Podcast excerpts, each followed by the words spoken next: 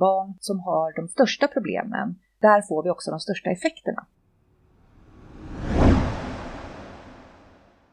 Du lyssnar på Socialtjänstpodden. Idag pratar vi om hur man motverkar fortsatt normbrytande beteende och återfall i brott hos barn. Vem är jag till för som socialarbetare? Står jag på den svaga sida? Står jag på maktens sida? Min kompis sa att om man snackar med SOS så tar de barnen. Att spara pengar till statskassan genom att utförsäkra en massa människor, då biter man sig själv i svansen till slut. Och det är väldigt viktigt för Sverige att socionomer vill arbeta i socialtjänsten. De vill ha en socialtjänst där socialsekreterarna är stolta över sitt jobb. Hej och välkommen till Socialtjänstpodden. Podden för dig som är intresserad av socialt arbete och socialpolitik och som görs av Akademikerförbundet SSR. Jag som leder podden heter Fredrik Hjulström och dagens gäst är Jenny Jakobsson, utredare på Socialstyrelsen. Välkommen! Tack så mycket! I november publicerade Socialstyrelsen för första gången ett kunskapsstöd med rekommendationer om vilka insatser som socialtjänsten bör använda för barn som löper hög risk för fortsatt normbrytande beteende. Du Jenny var ju ansvarig för det här arbetet, så jag tänkte att vi ska prata lite om hur det gick till att ta fram kunskapsunderlaget, vad det innehåller och det fortsatta arbetet framåt. Men för transparensens skull vill jag först nämna att även jag har ju ingått i ert arbete på Socialstyrelsen som en av deltagarna i den rekommendationsgrupp ni haft kopplat till arbetet, så lyssnarna vet det också. Den första frågan handlar om något jag har haft lite svårt att förstå, vilket kanske också en del lyssnare har. Både Socialstyrelsens kunskapsunderlag och SBU systematiska forskningsöversikter vilar på stabila vetenskapliga underlag. Ändå kommer ni fram till olika slutsatser i det här fallet. Kan inte du förklara för oss som blir lite förvirrade hur det här går till? Ja, absolut. Eh, för det första kan jag hålla med om att det är olyckligt eh, att eh, det uppstår förvirring till följd av lite olika budskap. Och det kräver en del förklaring och att man är lite insatt för att kunna förstå hur det här kan komma sig. Vi tittar ju på samma målgrupper och vi är intresserade av att titta på effekterna av eh, samma typ av insatser och ändå så landar vi ner i lite olika slutsatser. Eh, och det gäller ju till exempel då SBUs eh, systematiska översikt från 2020 om öppenvårdsinsatser för ungdomar som har begått brott. Där de kommer fram till att det inte finns tillräckligt med stöd för att eh, för någon specifik metod skulle vara extra eller särskilt effektiv. Eh, Medan vi då samtidigt eh, rekommenderar eh, den här typen av insatser och vissa namngivna metoder. Eh, men det handlar om att eh, i arbetet så görs eh, olika val. Eh, man formulerar frågeställningar där man väljer ut exakt vilken målgrupp eh, man vill titta på, exakt vilka studier man tänker sig inkludera och vilka utfall eh, som man är intresserad av att studera. Eh, och i det här fallet, eh, så när det gäller öppenvårdsinsatser för ungdomar, eh, så finns det en, två skillnader eh, framför allt i våra olika frågeställningar. Där SBU har valt att titta på ungdomar som har begått brott, medan vi i vårt fall på Socialstyrelsen har valt att titta dels på ungdomar som har begått brott, men även ungdomar som uppvisar andra beteendeproblem där man inte vet om det har förekommit kriminalitet eller inte. Till exempel att man har diagnosen uppförandestörning, eh, att man är utagerande på olika sätt. Och en annan skillnad i våra två underlag det är att SBUs eh, underlag innehåller bara studier där man har följt upp de här insatserna över tid, alltså minst sex månader har man tittat på effekterna av de här olika eh, interventionerna. Medan vi har eh, även inkluderat studier där man följer upp eh, resultat direkt efter en avslutad behandling. Och då är det så generellt att det finns eh, färre studier där man följer barn över tid och fler studier där man mäter eh, resultat eller effekt direkt efter avslutad insats. Och det gör att vi får olika studier med i vårt underlag där vi har fler studier kan man säga än vad SBU eh, inkluderade i sin översikt. Så det, eh, det är inte helt lätt att förstå eh, och vi har försökt eh, formulera oss i kunskapsstödet kring SBUs resultat och slutsatser och sätta ord på vad de här skillnaderna kan bestå i. Så det är två exempel på hur det kan skilja sig. Mm. Ja, då förstår jag lite mer. Det är bra. Mm. Så det är inte så att den ena har rätt och den andra har fel. Vi har rätt båda två kan man säga, men, men utifrån våra olika frågeställningar. Då kan man konstatera att de där frågeställningarna blir väldigt avgörande för vilka resultat man får fram i slutändan. Ja, precis. Så är det verkligen. Om man nu ska titta på, på det här jobbet ni har gjort eh, så vet jag ju att, att, att, att det tar både tid och en massa resurser att jobba fram den här typen av, av kunskapsunderlag och rekommendationer. Eh, hur länge har ni hållit på? Hur många har varit inblandade i det här? Jag, jag tänker att få en bild av vad, det är, vad är det här för typ av arbete ni har genomfört? Ja, kunskapsstödet består ju av två delar kan man säga, där den ena delen är just de här eh, rekommendationerna. Och om vi pratar om, om den delen då så, eh, ja, som du säger, det är ju många personer som har varit involverade. Dels har vi varit en, en liten kärntrupp på Socialstyrelsen med en arbetsgrupp eh, med fyra, fem personer som har jobbat med det här. Vi har haft informationsspecialister som har eh, sökt eh, efter vetenskapliga underlaget i, databaser. Vi har haft externa forskare som har varit, haft i uppgift att granska våra vetenskapliga underlag, det som vi har sammanställt. Och sen har vi också haft då en rekommendationsgrupp knuten till projektet. Och där hade vi 12 personer, eh, externa sådana då, eh, företrädesvis från socialtjänsten, personer med sakkunskap och erfarenhet av arbete med målgruppen på lite olika sätt, eh, som eh, i en strukturerad process eh, bistod oss helt enkelt med att eh, formulera de här rekommendationerna och, och vrida och vända på dem i förhållande till det vetenskapliga underlaget, till hur Eh, de här eh, rekommenderade insatserna kan fungera i svensk socialtjänst. Och den processen eh, var en typ av konsensusprocess där den här gruppen med 12 personer då var eniga om att det här är rekommendationer som vi kan stå bakom och som eller Socialstyrelsen bör utfärda för, för den här målgruppen hos svensk socialtjänst. Så det har varit en lång process. Vi, ja, vi har hållit på i ett och ett halvt år eh, ungefär eh, innan vi kunde publicera det här. Men många olika delar och eh, olika eh, externa eh, samverkansparter också i arbetet. Så det innebär att ni snyter inte ur er eh, ett sånt där jobb i månaden, låter det som? Nej, men det gör vi inte. Och det här är ju också första gången som vi faktiskt kan komma fram med rekommendationer för den sociala barn och ungdomsvården på det här sättet. Eh, och det handlar ju också om att i det här fallet så finns det väldigt mycket forskning. Vi är ju ganska vana vid när vi pratar om evidens inom socialt arbete att det, ja, men det finns kanske inte så många studier, man får försöka utgå från den beprövade erfarenheten, kanske i kombination med några få eh, primärstudier. Men när det handlar om barn eh, med normbrytande kriminellt beteende så finns det en otroligt stor mängd eh, forskning.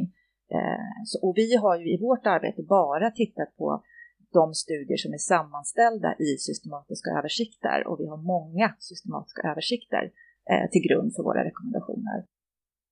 Eh, och då blir det också ett, ett, stort arbete som görs där vi kvalitetsgranskar och tittar noga på de eh, underlag som vi inkluderar. Eh, och allt kommer ju inte heller med, det beror ju på eh, ja, kvalitet till exempel i, i de här studierna. Eh, så. Finns det andra områden som ni ser som ni bedömer att det finns tillräckligt mycket underlag som ni skulle kunna göra liknande arbeten på? Ja, alltså närliggande då, ungdomar och missbruk, eh, där finns det faktiskt redan rekommendationer eh, i form av nationella riktlinjer. Och sedan några år tillbaka så omfattar ju de även ungdomar med eh, missbruk och beroendeproblematik. Eh, så där finns det ett antal skarpa rekommendationer både om bedömningsmetoder och behandlingsmetoder för eh, ungdomar 12 till 18 eh, med missbruk eller beroendetillstånd. Eh, så det är väl ett exempel. Många inom socialtjänsten upplever att det är svårt att nå bra resultat när man placerar barn med normbrytande beteende på HVB eller särskilda ungdomshem på SIS.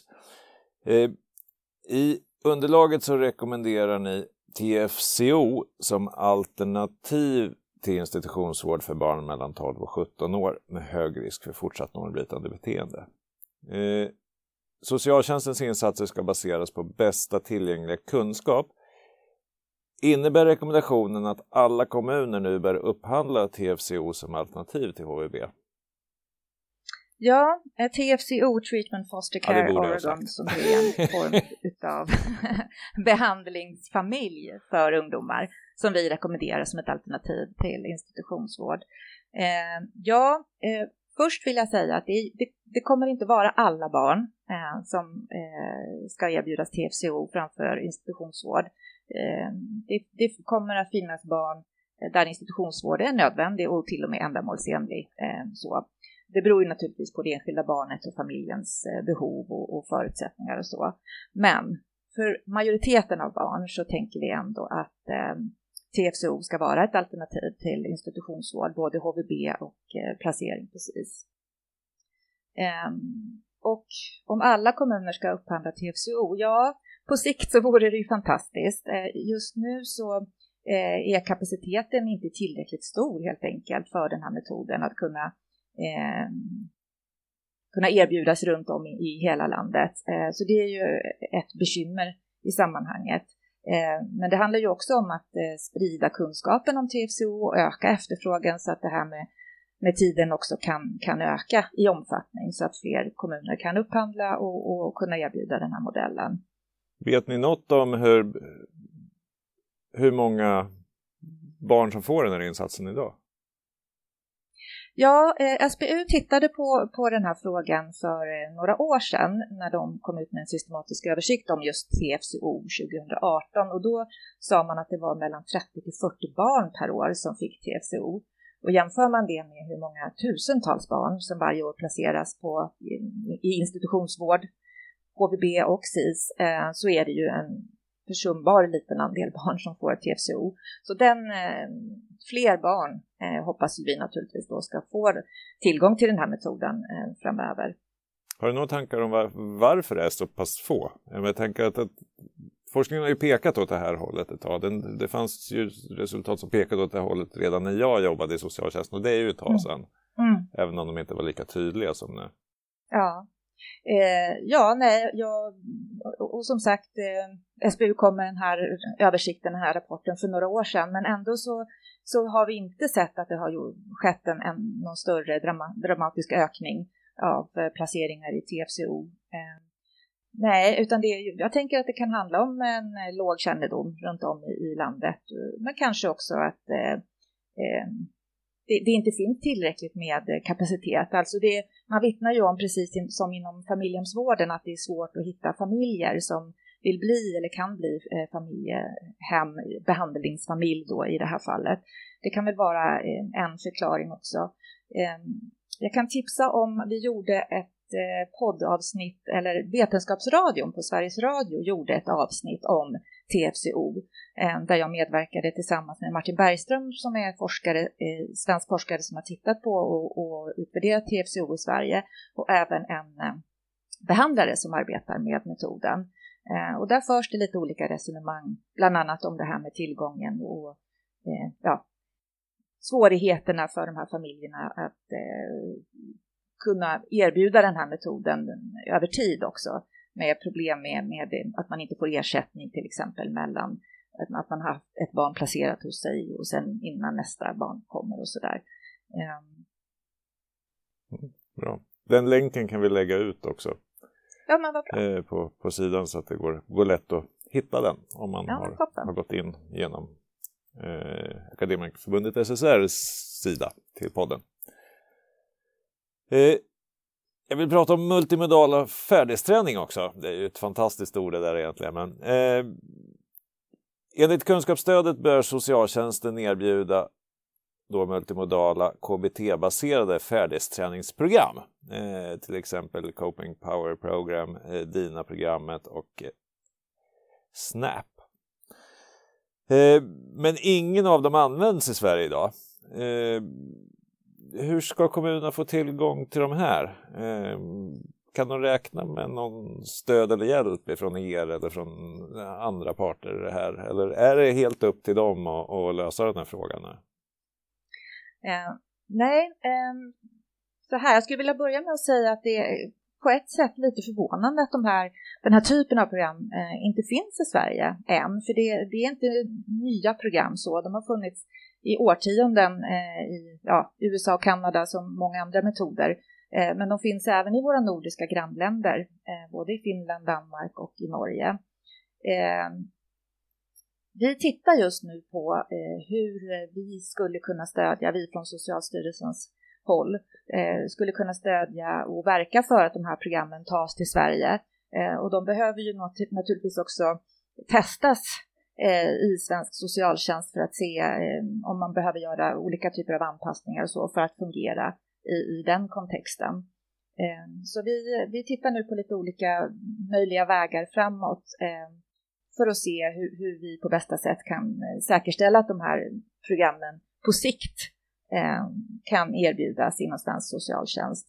Och då också runt om i hela landet, inte bara i några enstaka kommuner, utan att det också blir en spridning. Eftersom det är, här är ju starka bör-rekommendationer vi kommer med, så ser vi att vi har en, ett ansvar här och verka för att möjliggöra för kommunerna att faktiskt också tillämpa den här rekommendationen. Så bra. Jag tänker att det där är, det där är ju ett av de här problemen när nya metoder ska införas. Att det är ju det är inte varje kommun som har resurser att, att ja, översätta och sätta igång. Och, eh, så där tänker jag är superbra att man börjar stödja det från nationellt håll. Ja, och sen är det ju en fri marknad också, så att om det finns eh, aktörer som eh, nappar på det här och gör e-, egna ansträngningar och, och så, så Eh, Eh, så kan det mycket väl bli så också. Men, men vi ser ju att vi som nationell aktör har, också har ett ansvar här att eh, följa upp att, och möjliggöra eh, för kommunerna att kunna erbjuda det här framöver. Mm. Och där tänker jag att det, det blir ju en skillnad mellan insatser som erbjuds ja, men vid placeringar, TFCO till exempel, eller andra typer av, för, för där går det att bli nationell på ett annat sätt. Medan det är svårare med de här öppenvårdsinsatserna, för de blir ofta lokalt förankrade och då är det ju inte alltid marknaden löser de där frågorna eh, åt, åt kommunsektorn. Men utöver TFCO och de här multimodala KBD-baserade färdighetsträningsprogrammen. Eh, vilka andra insatser rekommenderar ni mål, till målgruppen? Ja, eh, våra rekommendationer är uppdelade eh, utifrån barnens åldrar. Så att vi har två rekommendationer för barn 6 till 11 och så har vi fyra rekommendationer för barn som är mellan 12 och 17. Eh, och förutom de här multimodala färdighetsträningsprogrammen för barn eh, så rekommenderar vi även beteendebaserade föräldraskapsstödsprogram för gruppen 6 till 11 år. Och då har vi fyra eh, exempel på metoder som ingår i den rekommendationen. Eh, och det är COPE, de otroliga åren, Komet och Triple P. Eh, och då är det inte så att eh, en av metoderna väger tyngre än någon annan, utan vi ser att de, de har stora beröringspunkter och de är eh, utbytbara så att säga. Det finns en möjlighet för kommunerna då att välja någon av de eh, fyra metoderna utifrån lokala förutsättningar eh, och behov. Ehm, så att eh, föräldrastödsprogram, eh, det kommer ju också vara det som vi rekommenderar som ett förstahandsalternativ nu då också i avvaktan på att de här multimodala färdighetsträningsprogrammen för barn eh, finns tillgängliga i Sverige. Ehm, och det vi kan säga om de programmen, eh, Komet och Cope, de otroliga åren och Triple P, då vet vi ju att de finns ju redan i Sverige. De har eh, erbjuds också eh, i många kommuner. Det vi däremot inte vet, det är om det är just de här barnen som vi pratar om nu, med de största behoven, med de allvarligaste beteendeproblemen, om det är de barnen som faktiskt får del av de här metoderna, eller om det är barn med mindre problem, Eh, kanske där föräldrarna själva söker stöd och, och, får de här insatserna utifrån att man upplever kanske lite bråk och konflikter. Det är ju en vanlig ingång. Eh, men här, den här rekommendationen gäller ju barn med hög risk för fortsatt normbrytande beteende. Eh, och där vet vi inte om, om, de här, om det är just de barnen som faktiskt idag erbjuds de här metoderna. Eh, så det hoppas vi med den här rekommendationen också att det blir tydligt att det är den gruppen som också ska få del av föräldraskapsstödsprogram. Eh, för forskningen är tydlig också med att barn som har de största problemen, där får vi också de största effekterna. Och det gäller inte minst den här typen av föräldraskapsstödsprogram. Eh, så, det var de två rekommendationerna för 6 till 11-åringar. Ehm, eh, och för den eh, äldre gruppen då, eh, barn mellan 12 och 17 år, så har vi en rekommendation om strukturerad familjebehandling. Och då har vi fyra namngivna metoder. Det är Brief Strategic Family Therapy, BSFT, multidimensionell familjeterapi, MDFT, multisystemisk terapi, MST och funktionell familjeterapi, FFT. Eh, och sen har vi också en rekommendation eh, till samma åldersgrupp och det handlar om individuell beteende och färdighetsträning också med utgångspunkt då i KBT. Och sen hade vi då TFCO-rekommendationen som alternativ till institutionsvård då för den eh, åldersgruppen. Och utöver de här fem bör-rekommendationerna så har vi också en bör inte, en avrådan eh, från att använda program av typen Scared Straight som ju är program eh, för barn som har begått brott med syfte att avskräcka från fortsatt kriminalitet. För det har visat sig eh, ha en skadlig effekt, att det ökar risken för fortsatt kriminalitet. Om man tänker nu en kommun som inte erbjuder den här typen av insatser idag, men i framtiden kommer att, att, att göra det. Eh, vilka resultat kan man förvänta sig som kommun genom att göra den här förflyttningen från det man gör idag till, till de här använda de rekommenderade insatserna? Eh, en skillnad eh, som jag tänker att man kan, eh, kommer att uppfatta då, det är att man faktiskt får bättre koll på vad man ger. De vanligaste insatserna som ges till målgruppen idag, det är ostrukturerade interventioner, stödsamtal eller kontaktperson som vi inte vet egentligen vad det innehåller, inte på nationell nivå och sällan eh, på lokal nivå heller. Så att eh, en vinst med det här det är att man får eh, bättre kunskap lokalt om vilka insatser som ges, vad de innehåller, men också till vilka barn, eh, vilka barn som erbjuds de här insatserna. Men sen visar ju studier och den, det forskningsunderlag som vi har att utgå ifrån att de här eh, insatserna de är effektiva och har goda förutsättningar att ge positiva resultat när det gäller minskat normbrytande beteende och återfall i brott. Eh, så att eh, genom att erbjuda de här insatserna så eh, med största sannolikhet så kommer chansen att öka att man får bättre utfall helt enkelt av sina, de insatser man erbjuder. Du säger ju det här också att, att, att man inte riktigt vet vad man gör idag. Så, eh, och därmed så vet man nog sannolikt inte så mycket om, om kostnader. Så där. Men jag, jag tänker ändå, har, har du någon bild av... För, i, I den kommunala kontexten så blir kostnader per insats inte helt oviktig. Eh, har du någon idé om, om skillnaden mellan det man gör idag jämfört med om man skulle använda sig av insatserna från rekommendationerna? Alltså, är det, ja, det är en svår fråga, jag vet.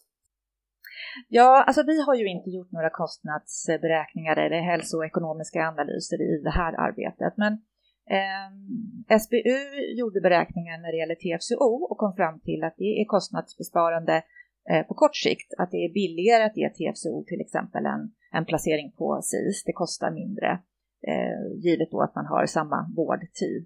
Det var snäppet dyrare än eh, HVB, eh, men då måste man ju också väga in de positiva gynnsamma effekterna av insatserna. Eh, så, och där TFCO då eh, är mer verksamt än, än institutionsvård. Eh, sen när det gäller eh, insatser i, i öppenvård så blir det ju alltid svårt att, att, att räkna på när man inte riktigt vet jämförelsealternativet. Eh, det är ju en aspekt som gör det bekymmersamt.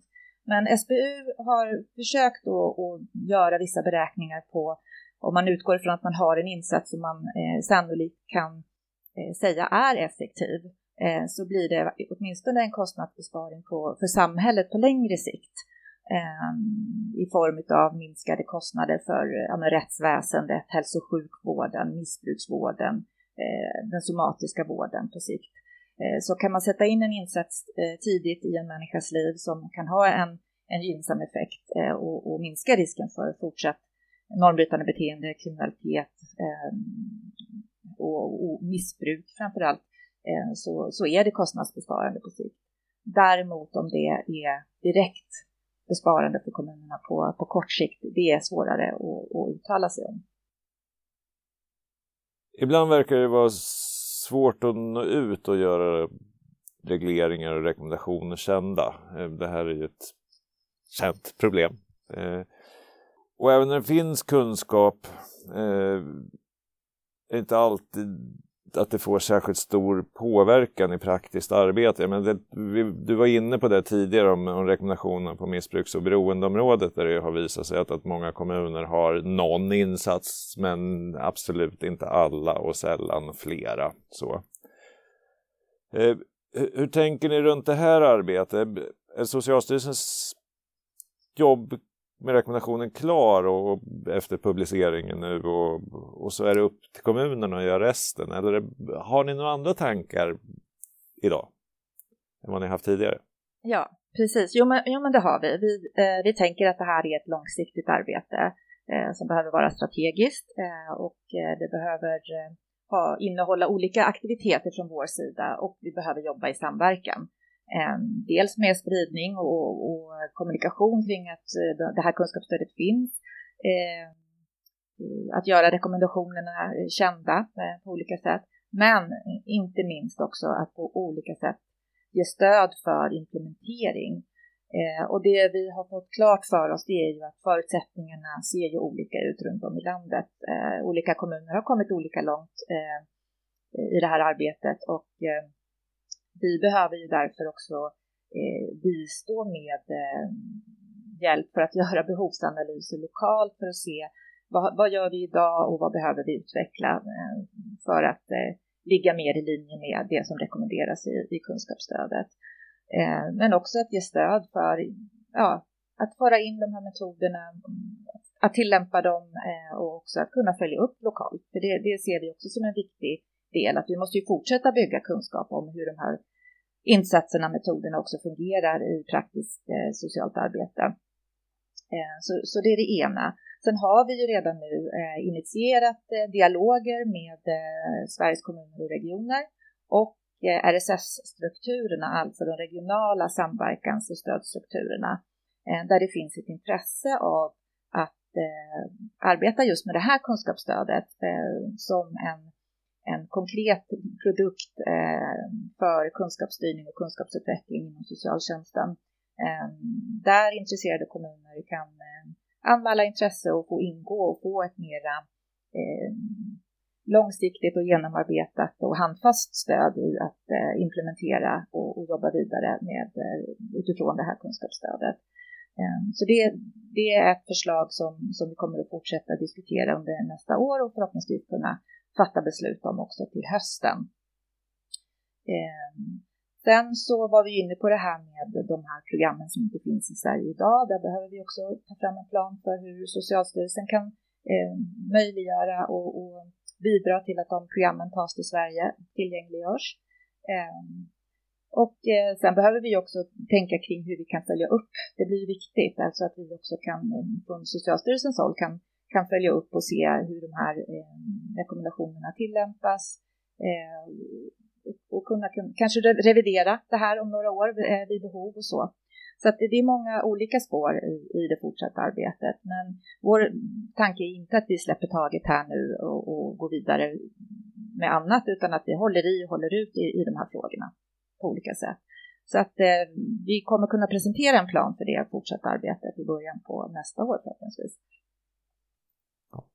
Det där värmer ju hjärtat på en gammal socialarbetare kan jag säga som har ja. slitit med att försöka införa en det ena en det andra. Det är ju inte helt enkelt. Eh, det har man ju lärt sig genom året att implementeringsarbete och, och få saker på plats är,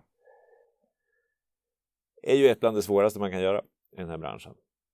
Ja, men det är ju verkligen det och då, då gäller det också för våran del att uh, vara långsiktiga uh, i det i det fortsatta arbetet.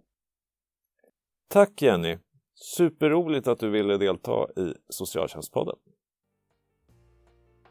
Du har lyssnat till Socialtjänstpodden.